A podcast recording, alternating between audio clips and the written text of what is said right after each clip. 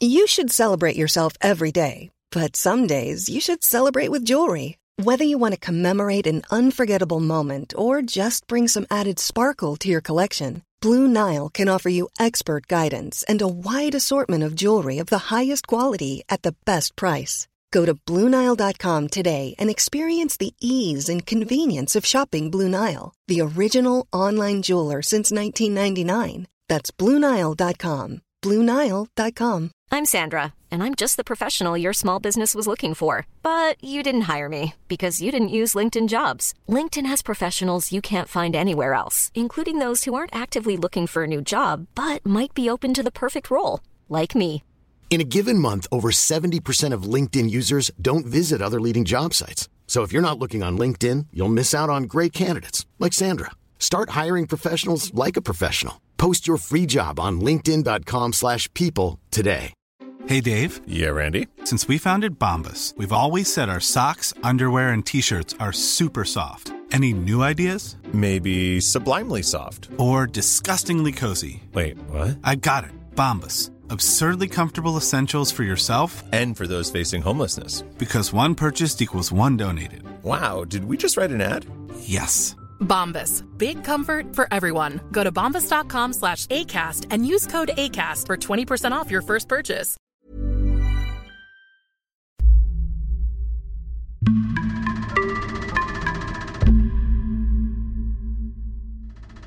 Digerdöden, eller Svarta döden, eller Den stora döden som den också kallades för klassas som historiens största och dödligaste utbrott av pest. Sjukdomen var extremt smittsam och extremt dödlig beroende på vilken form av pest som du fick. Pesten kom nämligen i tre olika former. Böldpest, blodpest och lungpest. Böldpest som hade minst dödlighet och minst smittsamhet skapade stora varfyllda bölder över hela kroppen. Dessa bölder kunde bli lika stora som äpplen och kunde skvätta ur vätskan inuti om de sprack. Förutom det här så fick den smittade även väldigt hög feber, huvudvärk, ont i kroppen och kräkningar. Och om det inte var nog med symptom så kunde man även få nekros om man hade riktigt otur. Nekros innebär lokal vävnadsdöd vilket betyder att blodtillförseln till en kroppsdel, till exempel fingrarna, försämras och till slut upphör. Vilket gör att fingrarna blir svarta och till slut ramlar av. Mellan 50-80% av de som fick böldpest dog. Blodpest skapade stora mörka fläckar över hela kroppen hos den smittade. Tänk dig blåmärken fast ännu större och mörkare. Det var även vanligt att den smittade blödde ur munnen och näsan. Blodpest kunde dock döda den smittade redan innan symptomen började visa sig vilket gjorde att en person kunde gå och lägga sig på kvällen och vara död nästa morgon. 95-100% av alla som fick blodpest dog. Fick man lungpest så började symptomen med feber och huvudvärk som sen utvecklade sig snabbt till andningsnöd, smärtor i bröstet och att man hostade blod. 100% av alla som fick lungpest dog. Folk som blev smittade av digerdöden dog oftast inom 1-5 dygn. Vart kom den här sjukdomen ifrån och hur spred den sig över världen? Ursprunget är dessvärre okänt. Man vet inte exakt till 100% var någonstans i världen pesten började. Men det som vi kan bekräfta i dagsläget är att pestbakterien Yersinia pestis har funnits i tusentals år och bakterien kommer från en loppa som sprider sjukdomen vidare till råttor som sen spred den vidare till människan.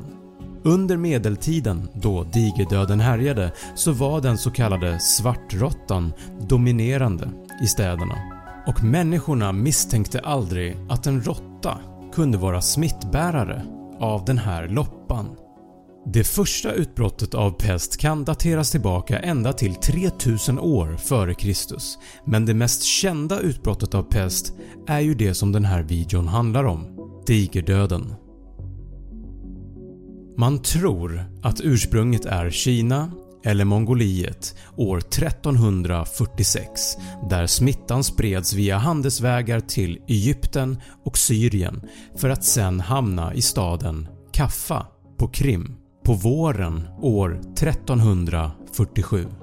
Där skedde ett massivt utbrott och flera människor flydde staden via fartyg. Ett av fartygen kom till staden Konstantinopel där sjukdomen spred sig som en löpeld genom staden. Men saker och ting skulle bli ännu värre.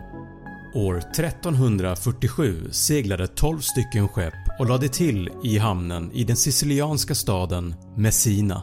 Folk som var samlade runt bryggan möttes av en fruktansvärd syn. De flesta ombord på skeppet var döda. De som fortfarande var i liv var i väldigt dåligt skick. De hade utvecklat böldpest och låg där täckta av blåsor som läckte blod och var. Folket i Messina hade bara hört om sjukdomen via rykten. Att en mystisk sjukdom spred sig på handelsvägarna i Kina, Indien, Persien, Syrien och Egypten.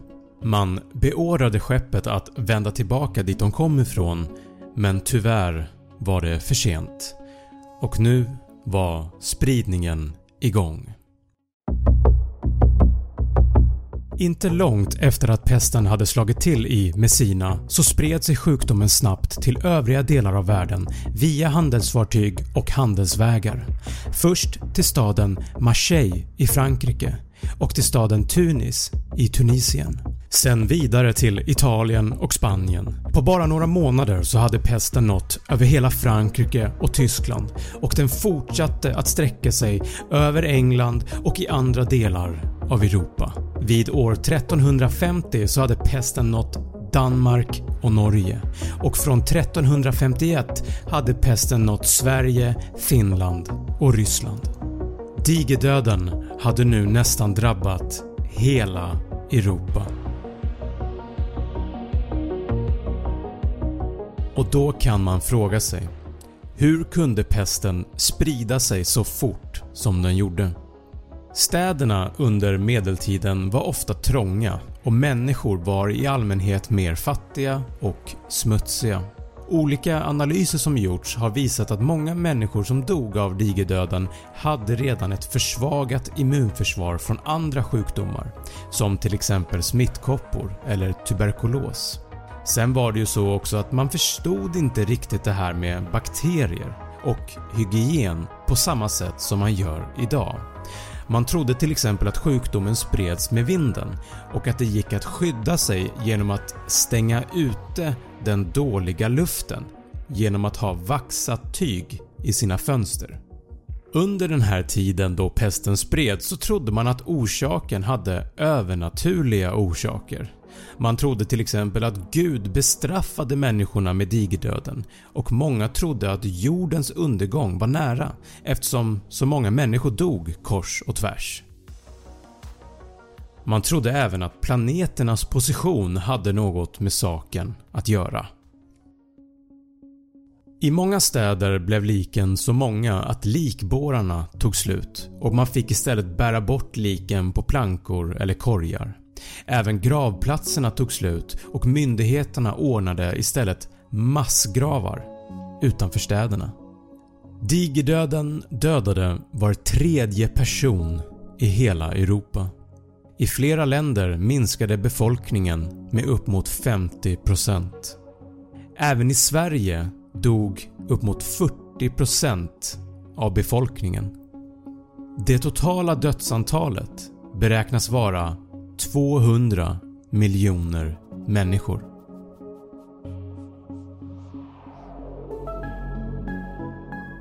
Digerdöden har återkommit i historien men med tiden så har modern forskning samt bättre och bättre hygieniska och medicinska åtgärder bromsat sjukdomens dödlighet.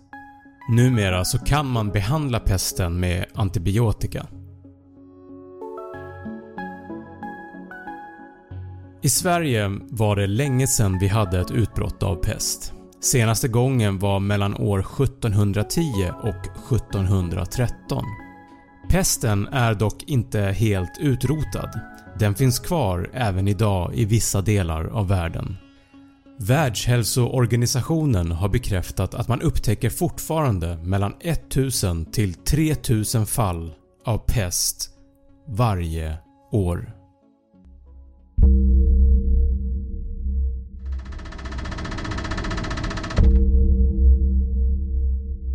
Jag hoppas att du tyckte att det här var intressant. Snabb fakta finns även som en YouTube-kanal där du kan se alla avsnitt med rörlig bild. Tack för att du har lyssnat.